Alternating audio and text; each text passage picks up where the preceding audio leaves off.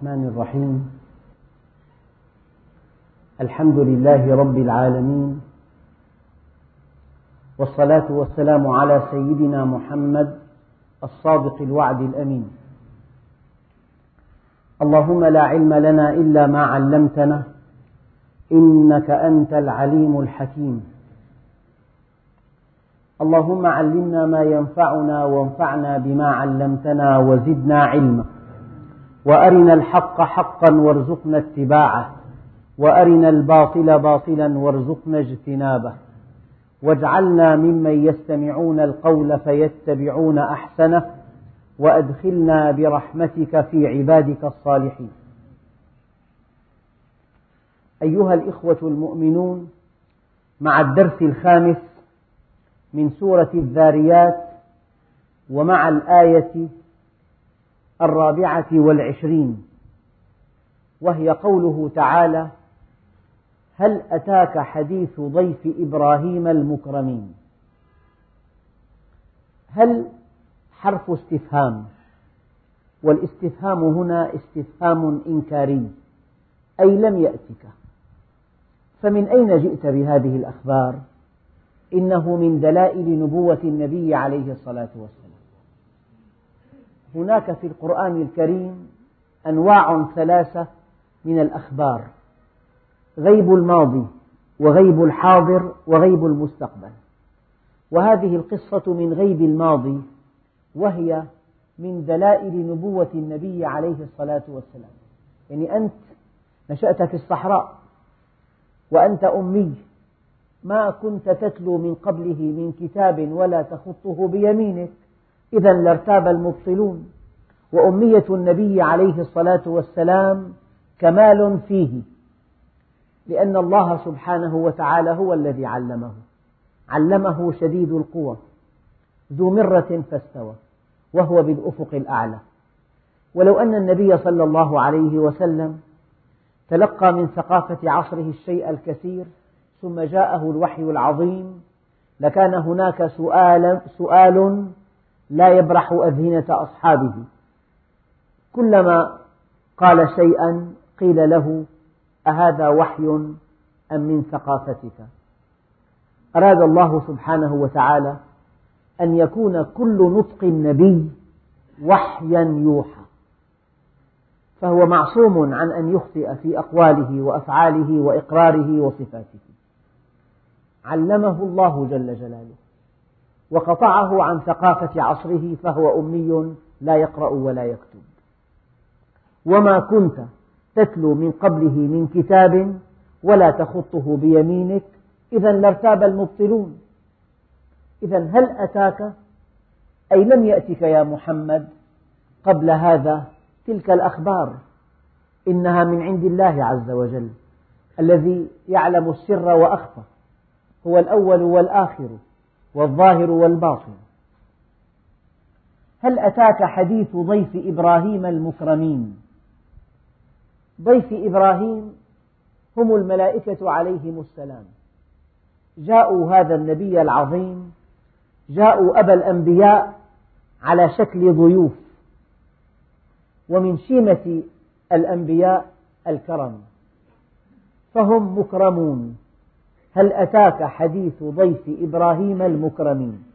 قال علماء التفسير إما أن إبراهيم عليه السلام بالغ في إكرامهم فصاروا مكرمين أو أنهم من طهارتهم واستقامتهم مكرمون.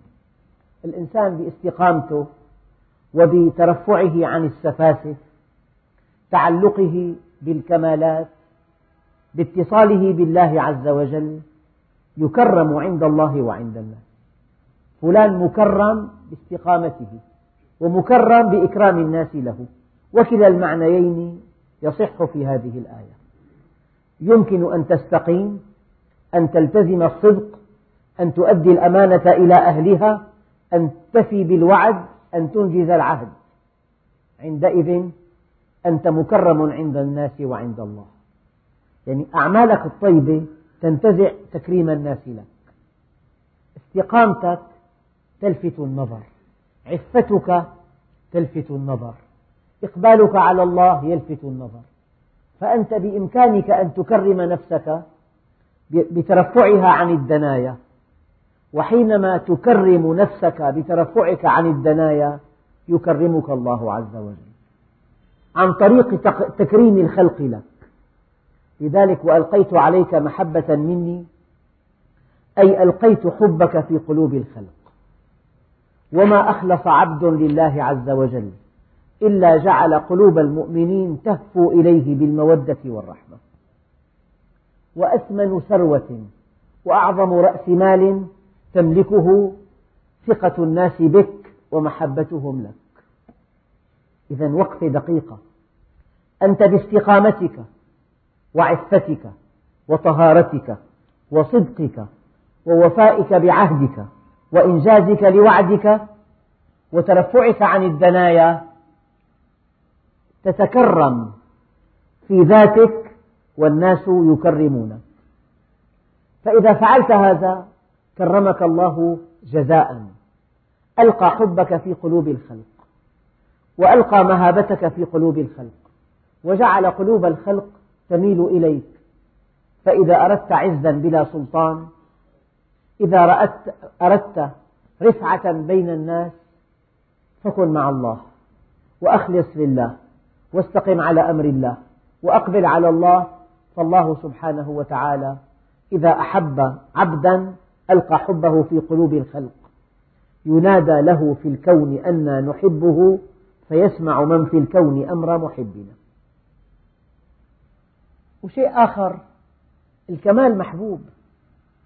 العفة معظمة الصدق مبجل الكرم يمال إليه فالكريم والصادق والعفيف والمتواضع والمخلص والوفي. هذه الكمالات هي التي ترفع الإنسان عند الله. بربكم. النبي عليه الصلاة والسلام دققوا معي. أليس خطيبا من أعظم الخطباء؟ نعم أليس عالما من أجل العلماء؟ نعم أليس قائدا سياسيا محنكا من أعظم القادة؟ نعم أليس أبا كاملا؟ نعم أليس زوجا ناجحا؟ نعم أليس أخا وفيا؟ نعم أليس خطيبا مفوها؟ نعم أليس حكيما؟ نعم لما أراد الله أن يمدحه لماذا مدحه؟ قال وإنك لعلى خلق عظيم ما الذي يعتمد عند الله؟ الخلق العظيم. وإنك لعلى خلق عظيم. فلذلك هل أتاك حديث ضيف إبراهيم المكرمين؟ المعنى الأول أن إبراهيم كرمهم بالغ في إكرامهم فهم مكرمون. المعنى الثاني أن الملائكة بطهارتهم وإقبالهم وتعلقهم بالله عز وجل صاروا مكرمين. الآن المعنى العملي. أي واحد من المؤمنين إذا جهد في ضبط نفسه وضبط أعضائه وجوارحه وضبط دخله وإنفاقه وضبط بيته وعمله وكل شؤون حياته وفق منهج الله الناس يكرمونه.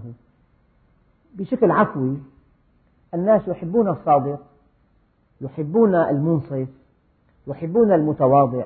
يحبون العفيف يحبون الأمين يحبون المستقيم.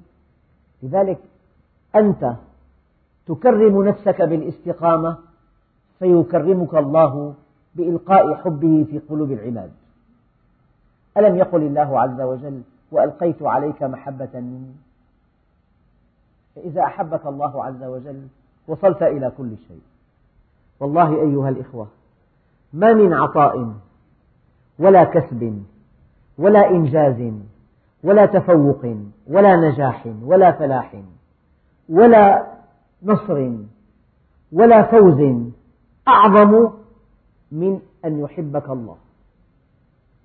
لذلك إن تابوا فأنا حبيبهم وإن لم يتوبوا فأنا طبيبهم.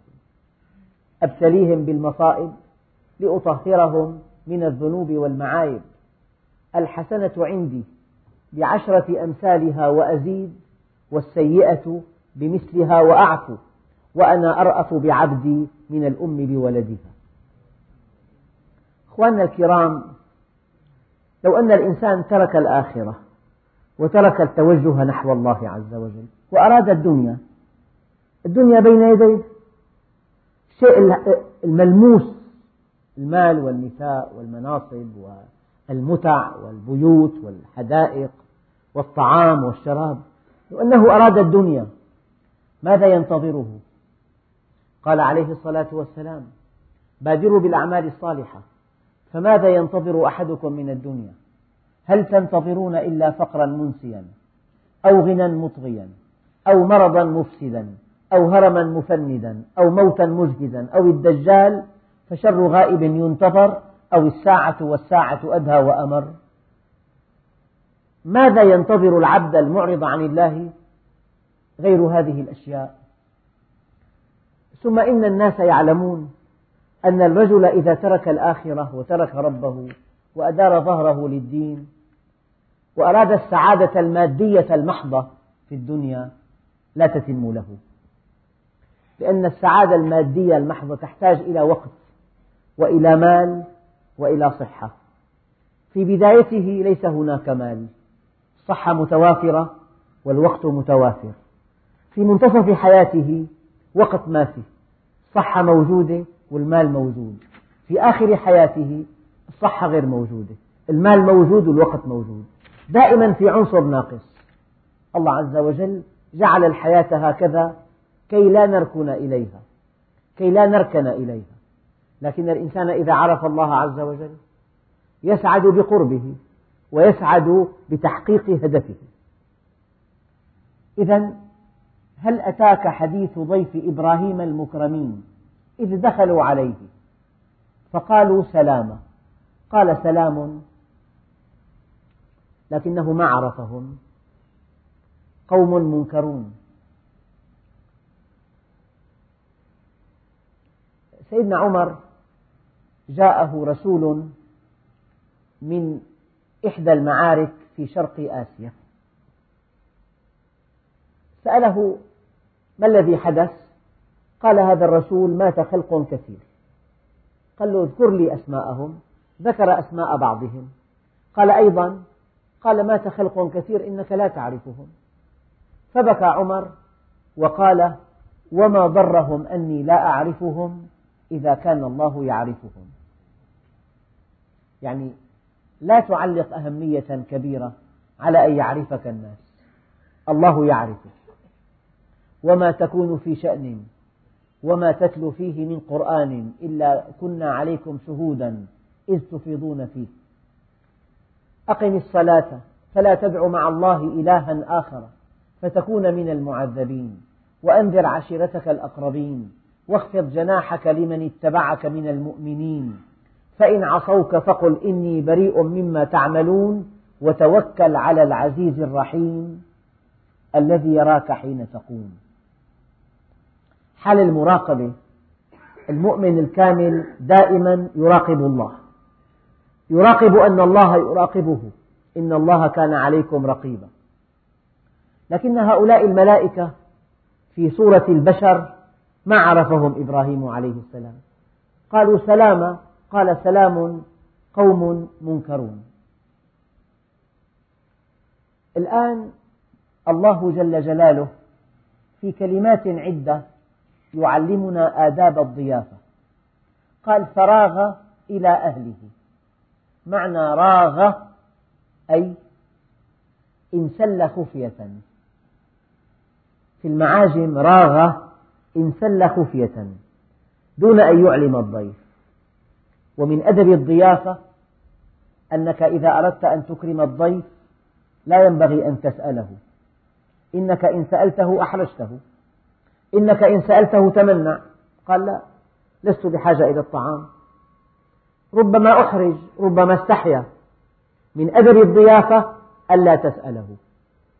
وألا تخرج من البيت أمامه وكأنك ذاهب إلى جلب الطعام. لا. فراغ إلى أهله. انسل خفية. فراغ إلى أهله فجاء. هي الفاء تفيد الترتيب على التعقيب. يعني ما إن خرج من عند الضيوف إلا وأحضر لهم الطعام. ومن أدب الطعام ألا يتأخر. التأخر الشديد في إحضار الطعام يتعب الضيف. ويجعله يتضجر. إذا الأدب الثاني أنه عاد بالطعام سريعا معنى ذلك أنه مستعد والكرماء دائما يستعدون. عندهم أكلات كثيرة جاهزة. فما إن يأتي الضيف إلا والطعام بين يديه. وهذا من شيم الكرماء وإطعام الطعام من السنة. فراغ إلى أهله فجاء بعجل سمين مشوي. وقال ورد في الحديث أن المؤمن كالنحلة لا يأكل إلا طيبا ولا يطعم إلا طيبا. فاذهبوا بورقكم فلينظر أيها أزكى طعاما فليأتكم برزق منه وليتلطف ولا يشعرن بكم أحدا. فجاء بعجل سمين. بعد أن جاء بهذا العجل السمين الطيب الشهي المشوي قربه إليهم. معنى ذلك أن المضيف ينبغي أن يلاحظ أن هذا الطبق بعيد عن عن الضيف. قربه إليه. قرب هذا الطبق البعيد. قرب إليه الماء الخبز. هذا الطبق يحبه. فقربه إليهم.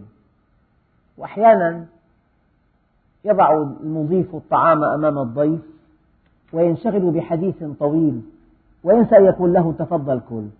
والضيف يستحي أن يبدأ بالطعام قبل أن يدعى. إذا من أدب الضيف الضيافة أيضا أن تقرب الطعام إلى الضيف وأن تدعوه إلى الأكل. فراغ إلى أهله فجاء بعجل سمين فقربه إليهم قال ألا تأكلون؟ لكنهم ما أكلوا. حينما لم يأكلوا فأوجس منهم خيفة. إما لأنهم لم يأكلوا أو لأن عدم الأكل دليل عداوة أو حقد. فأوجس منهم خيفة. قالوا لا تخف وبشروه بغلام عليم. بشروا هذا النبي الكريم بغلام عليم. والله عز وجل إذا أكرم إنسان بغلام نجيب بغلام مستقيم بغلام مؤمن بغلام محب لله عز وجل بغلام يسعى مع أبيه هذا من أعظم الفضل على الأب. الآباء الذين يهبهم الله عز وجل أولادا نجباء خلوقين منيبين مستقيمين هذه ثروة لا يمكن أن تقدر بثمن. لقول النبي عليه الصلاة والسلام خير كسب الرجل ولده. خير كسب الرجل ولده. لكن, لكن شيئا لا يكون من لا شيء. أن تنجب الأولاد وأن تضعهم تدعهم للطريق ولرفقاء السوء وأن تهمل تربيتهم وأن تهمل تهذيبهم وتعليمهم وتوجيههم فإذا شبوا انحرفوا وانساقوا وراء شهواتهم ومع أصدقائهم السيئين عندئذ تندب حظك لا أنت المقصر. الطفل الصغير ينبغي أن يرعى في وقت مبكر وأبوه مسؤول عنه. عليه أن يلقنه العلم والأدب والخلق وحب رسول الله وحب أصحابه ويعلمه القرآن ويفقهه يفقهه بالفقه ويعلمه السير والمغازي. فأوجس منهم خيفة قالوا لا تخف وبشروه بغلام عليم. فأقبلت امرأته في سرة يعني صقت وجهها. يعني ما, ما أقول ضربت وجهها. كأن تقول ربت على ظهره. قال وما تلك بيمينك يا موسى؟ قال هي عصاي أتوكأ عليها وأهش بها على غنمي. أهش بها لا يعني أنه يضرب بها غنمه. لكن يضع العصاة على غنمه. كذلك صقت وجهها تعجبا. أيعقل أن أنجب وأنا في هذه السن؟ أيعقل أن أنجب وأنا عجوز عقيم؟ لذلك فأقبلت امرأته في سرة فصقت وجهها وقالت عجوز عقيم. يعني محجبة صقت وجهها. فقالت وقالت عجوز عقيم قالوا كذلك. قالوا كذلك وأنت عجوز عقيم. سوف تلدين غلاما عليما.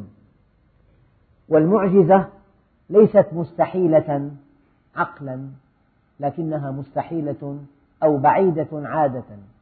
وفرق كبير لأن الله الذي خلق الأسباب قادر دائما أن يعطلها وأن يلغيها وأن يخلق نتيجة من دون سبب.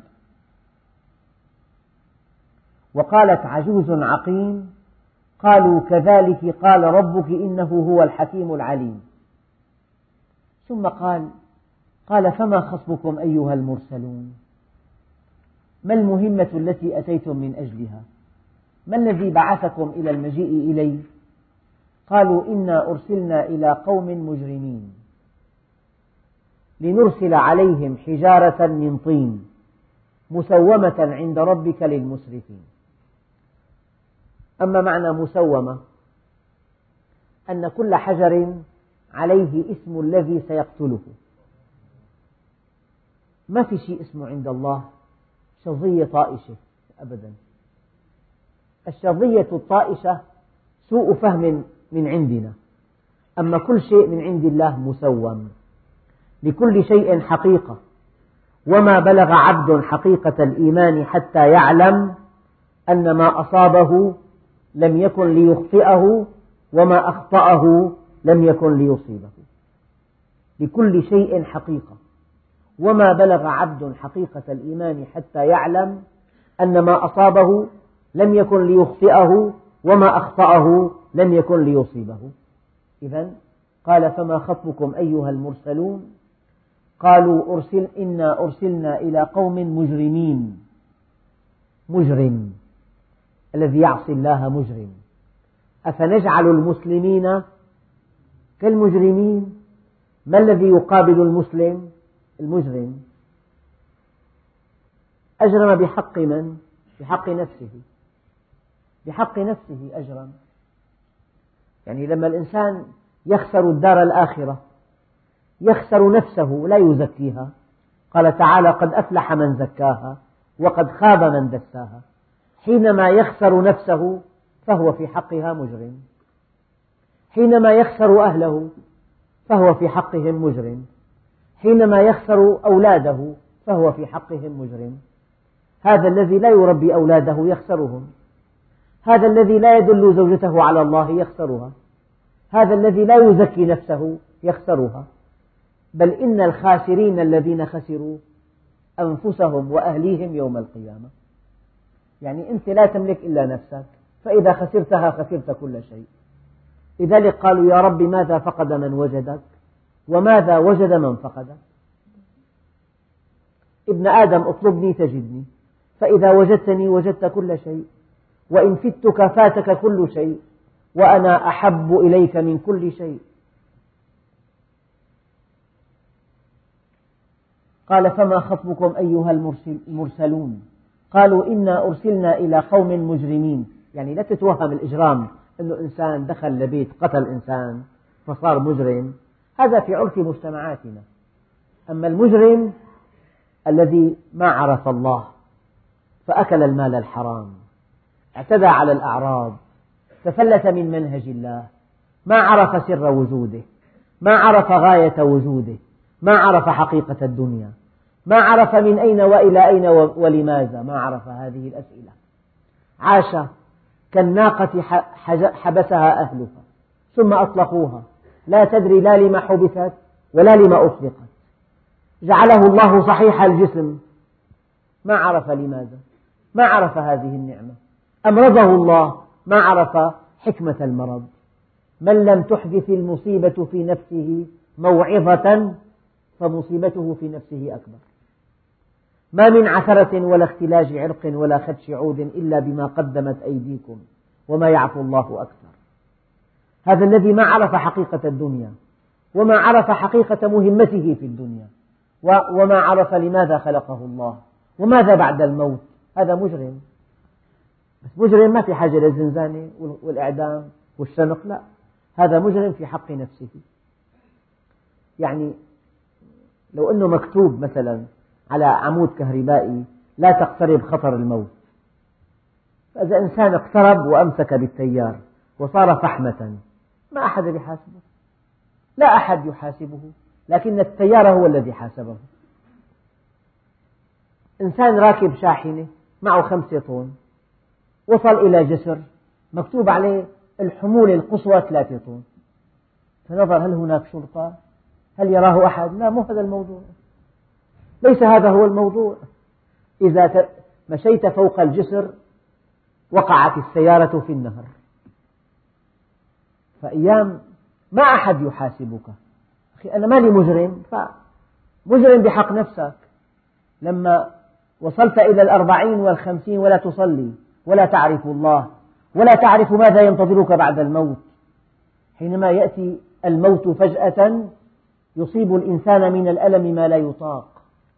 والله لو كشفت على إنسان تائه شارد ضال مضل جاءه الموت فجأة والله يدخل على قلبه من الألم والحزن والندم ما لو وزع على أهل الأرض لكفاهم. فذرهم حتى يخوضوا فذرهم يخوضوا ويلعبوا حتى يلاقوا يومهم الذي فيه يصعقون. الإنسان حينما يأتيه ملك الموت ويداه صفر. ليس معه عمل صالح. فأما الذين ابيضت وجوههم ففي رحمة الله. هم فيها خالدون. وأما الذين اسودت وجوههم أكفرتم بعد إيمانكم؟ فذوقوا العذاب بما كنتم تكفرون. إذا قال فما خطبكم أيها المرسلون؟ قالوا إنا أرسلنا إلى قوم مجرمين لنرسل عليهم حجارة من طين. مسومة عند ربك للمسرفين. إذا كلمة مجرم في القرآن لا تعني أنه قاتل تعني أنه إنسان ما عرف الله. حمل نفسه ما لا تطيق. دساها ما زكاها. أبقاها جاهلة أبقاها منحرفة. سمح لها أن تفعل ما تشاء. أطلقها لشهواتها. جعلها كالدابة السائمة لا تدري لا لما عقلت ولا لما أطلقت هذا هو المجرم. والدليل أفنجعل المسلمين كالمجرمين؟ يعني إن لم تكن مسلما فأنت مجرم. بحق نفسك. يعني إذا واحد معه مثلا شيك بمبلغ خيالي بألف مليون ولم يعرف قيمته استعمله كورقة مسودة. ثم مزقه وألقاه. حينما يعلم الحقيقة ما فعل شيئا ما قتل أحد. ألف مليون لو ذهب إلى المصرف لقبضه. ما انتبه إلى أن هذا شرك جعله ورقة كتب عليها بعض الأسماء ثم مزقها وألقاها في المهملات. هذا مجرم في حق نفسه. فوت عليه هذا المبلغ الفلكي. مثلا يعني الإنسان أيام يرتكب جريمة بحق نفسه. أكبر جريمة ألا تطلب العلم. أكبر جريمة. أن تتبع الهوى. أن تكون مع الناس. أنا مع الناس. إن أحسن الناس أحسنت وإن أساءوا أسأت قال عليه الصلاة والسلام لا يكن أحدكم إمعة لا تقول تيار جارف لا تقول هكذا الحياة. لا تقول الله يعفو عنا. بل بلوى عامة هذا كلام ما له معنى. هذا الكلام لا ينجيك. أنت قادر على أن تستقيم. والدليل لا يكلف الله نفسا إلا وسعها. ما ما معك حجة. الحجة تقام عليك. قالوا إنا أرسلنا إلى قوم مجرمين لنرسل عليهم حجارة من طين.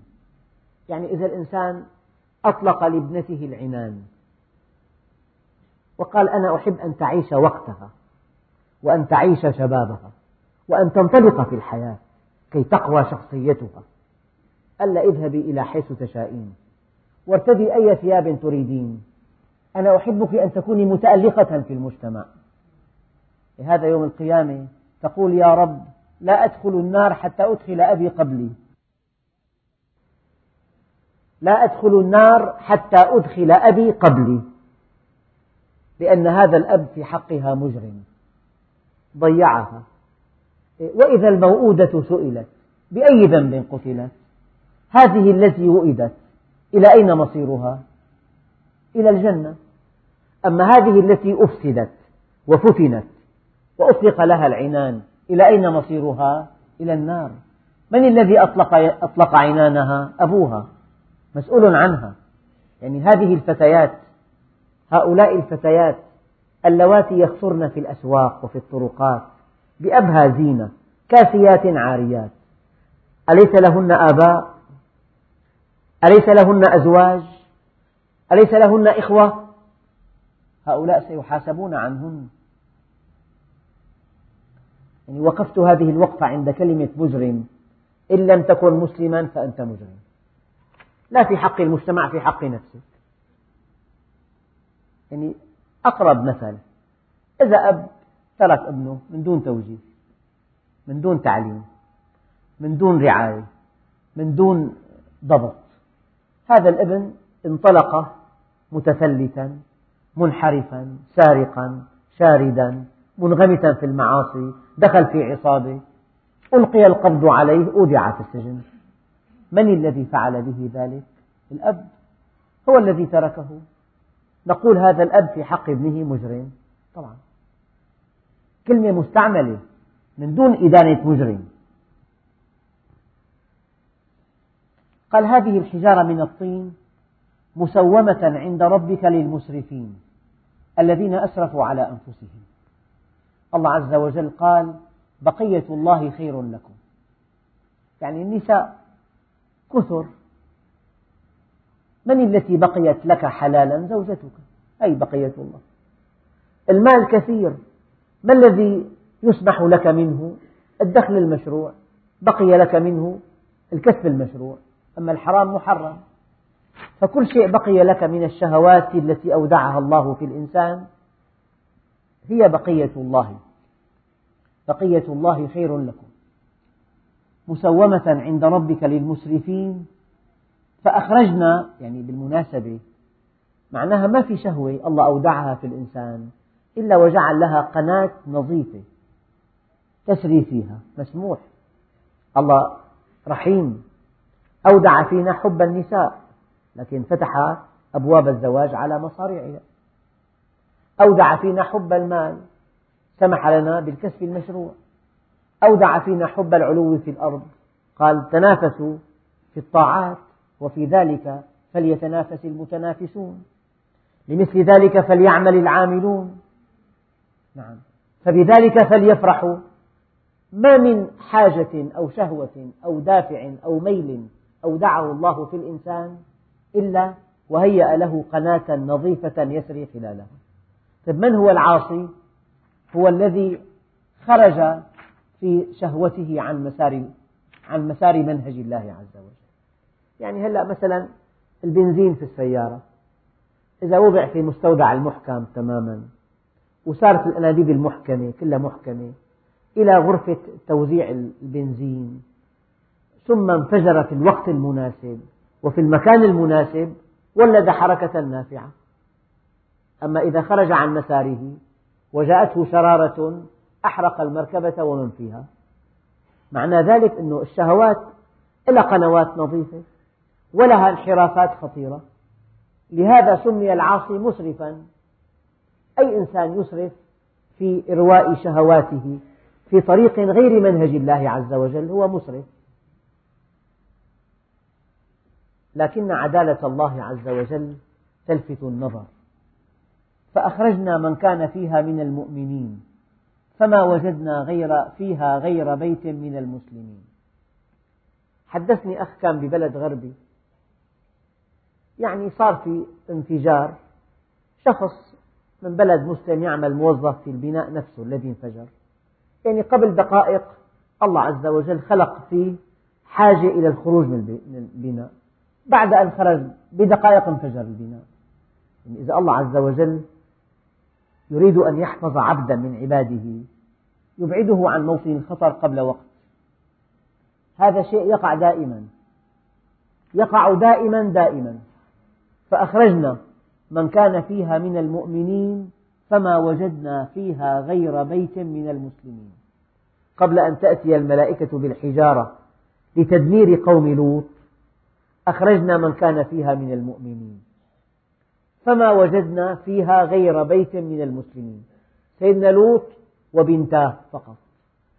أما زوجته مع قومه من هوي الكفرة حشر معهم. ولا ينفعه عمله شيئا. من هوي الكفرة أيام إنسان يذهب إلى أوروبا يرجع بيملأ الدنيا مدح لهم. طيب، ما رأيت الانحراف الخلقي؟ ما رأيت الزنا واللواط وتبادل الزوجات وزنا المحارم؟ تفسخ الأسرة تطاول الأبناء على الآباء. ما رأيت هذا الشقاء الذي يعيشونه؟ بس نظرت إلى سياراتهم وأبنيتهم وأنفاقهم.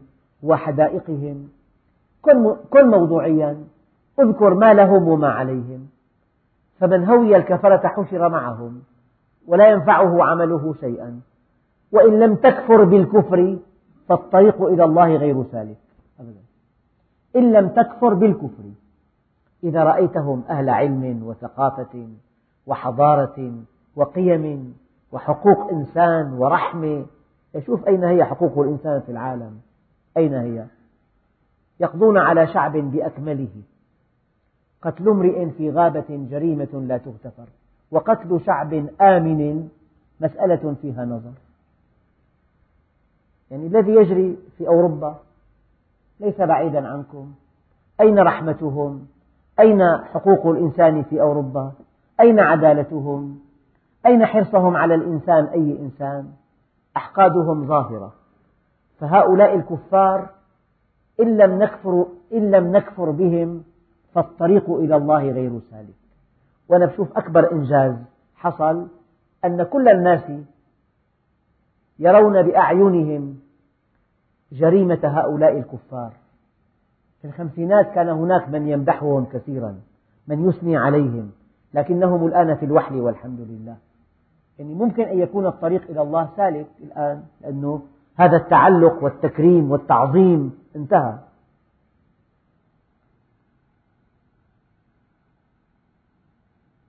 نعم. فأخرجنا من كان فيها من المؤمنين فما وجدنا فيها غير بيت من المسلمين.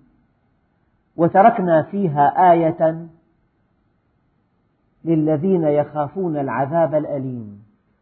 يعني الله عز وجل أحيانا بيعاقب الكفار بعض المنحرفين عقابا ردعيا لبقية المنحرفين.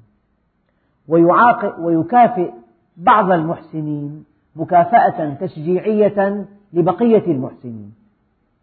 لكن الحساب الدقيق لكن الرصيد يوم القيامة. وإنما توفون أجوركم يوم القيامة. في الدنيا المحسن قد يثاب. تشجيعا لبقية المحسنين. وقد يعاقب المسيء وليس هذا قاعدة دائمة ردعا لبقية المسيئين.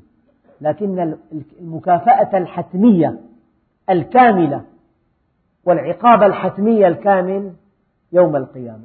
وإنما توفون أجوركم يوم القيامة. فما وجدنا فيها غير بيت من المسلمين وتركنا فيها آية للذين يخافون العذاب الأليم. وفي موسى إذ أرسلناه إلى فرعون بسلطان مبين. بالمعجزات نزع يده فإذا هي بيضاء للناظرين. ألقى عصاه فإذا هي ثعبان مبين. هذا فوق طاقة السحرة.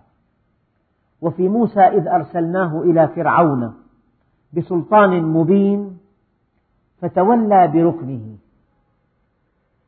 قال بعض المفسرين تركنا تولى بركنه قال الركن هنا جيشه.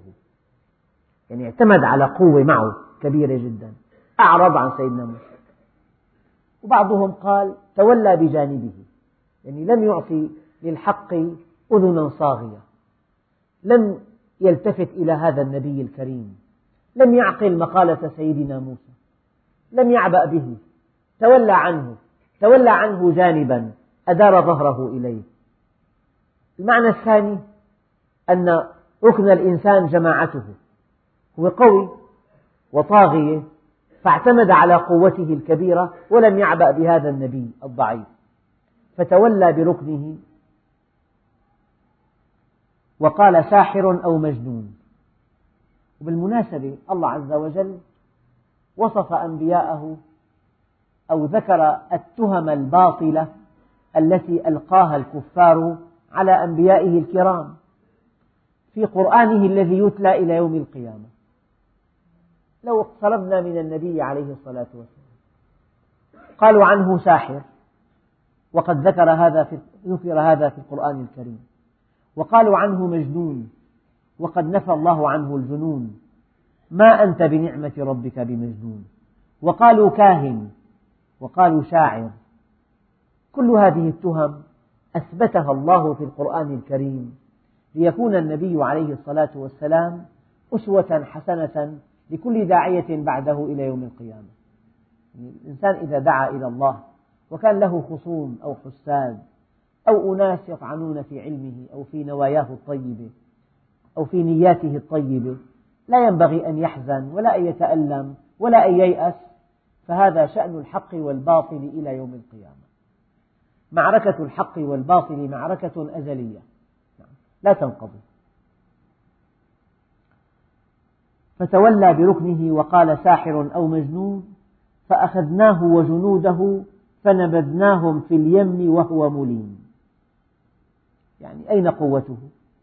الله عز وجل دفعه إلى أن يتبع موسى. سيدنا موسى ضرب البحر بعصاه فإذا هو طريق يابس. دخل فيه مع المؤمنين معه. فلما خرج من الضفة الثانية تبعه فرعون. فلما صار فرعون وجنوده وسط اليم عاد عاد الطريق اليبس بحرا. فأغرقناه. عندما غرق قال آمنت بالذي آمنت به بنو إسرائيل. معنى الإيمان خيار الإيمان خيار وقت. أكثر كفار الأرض. الذي قال أنا ربكم الأعلى. والذي قال ما أرى لكم من إله غيري. ومع ذلك حينما أدركه الغرق قال آمنت بالذي آمنت به بنو إسرائيل. معنى هذا أن خيار الإنسان مع الإيمان ليس خيار قبول أو رفض لكن خيار وقت. إما أن تؤمن وأنت صحيح معافى وإما أن تؤمن بعد فوات الأوان. ما لنا خيار أبدا. يعني إذا فرعون آمن كل هؤلاء الناس ليسوا كفرعون.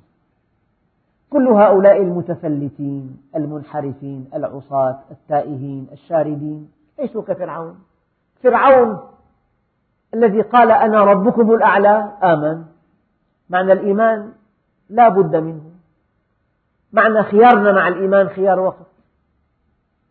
إما أن نؤمن أو لا بد من أن نؤمن. أما إذا آمنا الآن فلنا كل شيء. لنا جنتان جنة في الدنيا وجنة في الآخرة. أما الإيمان بعد فوات الأوان ما في إلا حسر حسرة وندم. فأخذناه وجنوده فنبذناهم في اليم وهو مليم. معنى ذلك أنه لام نفسه والإنسان حينما تنهار معنوياته وحينما ينهار داخليا عندئذ يعلم كم كان مخطئا. قال لي مرة واحد يعني الله عز وجل النبي الكريم قال المحتكر خاطئ. المحتكر خاطئ. ما فيها تشديد. قلت له لا بالعكس. إن فرعون وهامان وجنودهما كانوا خاطئين. الله عز وجل وصف فرعون وهامان وجنودهما بأنهم خاطئون. فكلمة خاطئ كلمة كبيرة جدا. نعم. فنبذناهم في اليم وهو مليم وفي عاد إذ أرسلنا عليهم الريح العقيم. ما تذر من شيء أتت عليه إلا جعلته كالرميم. هذه العواصف هذه الأعاصير التي تزيد سرعتها عن 800 كيلومتر في الساعة. 200 كيلومتر تهدم الجدران. 200 أيام 150 تقتلع الأشجار لثمانمية وفي عاد إذ أرسلنا عليهم الريح العقيم ما تذر من شيء أتت عليه إلا جعلته كالرميم. هناك أعاصير في أمريكا لا تبقي ولا تذر أحد الأعاصير دمر ما قيمته 30 مليار دولار. بساعات لا أبنية ولا جسور ولا طرق ولا أشجار ولا مزارع. كل شيء يدمر من خلال هذا الإعصار. فربنا عز وجل بالأمطار بدمر بالرياح بدمر بالصواعق بدمر بالبراكين بدمر بالزلازل بدمر بالأمراض بدمر مرض الإيدز الآن في سبعة عشر مليون إنسان مصاب بالإيدز سبعة عشر مليون إنسان مصاب بالإيدز نعم. بالأمراض. وما يعلم جنود ربك إلا هو. أيام بأضعف المخلوقات. أضعف فيروس هو فيروس الإيدز أضعف فيروس.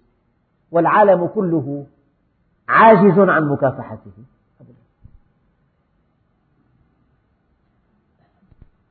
وفي ثمود إذ قيل لهم تمتعوا حتى حين. فعتوا عن أمر ربهم فأخذتهم الصاعقة وهم ينظرون فما استطاعوا من قيام وما كانوا منتصرين. وفي ثمود إذ قيل لهم تمتعوا حتى حين. دعاء سيدنا إبراهيم. قال رب اجعل هذا بلدا آمنا وارزق أهله من الثمرات من آمن منهم بالله واليوم الآخر. قال ومن كفر فأمتعه قليلا ثم أضطره إلى عذاب النار وبئس المصير. معنى تمتع الكافر في الدنيا لا يعني أنه على حق ولا يعني أن الله يحبه. لا يغرنك تقلب الذين كفروا في البلاد. متاع قليل.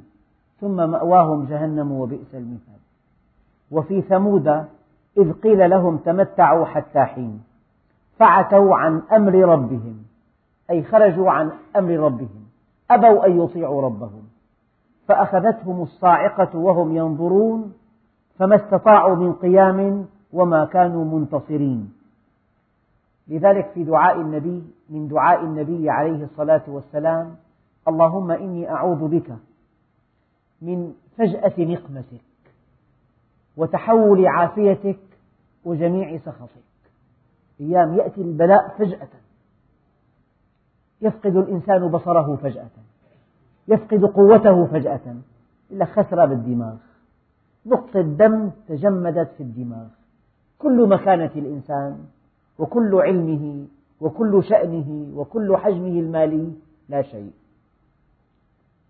رجل أخذ أعلى شهادة وعمل في أعلى منصب. صديق صديقي فقد بصره فجأة. قضع في البيت. جاءه البريد لأسبوعين أو ثلاثة ثم سرح من منصبه. قال لصديقي بالحرف الواحد. قال والله يا فلان أتمنى أن أجلس على الرصيف. أتكفف الناس ولا أملك من الدنيا إلا هذا المعطف وأن يرد إلي بصري. اللهم إنا نعوذ بك من فجأة نقمتك وتحول عافيتك وجميع سخطك. ولك العتبى حتى ترضى.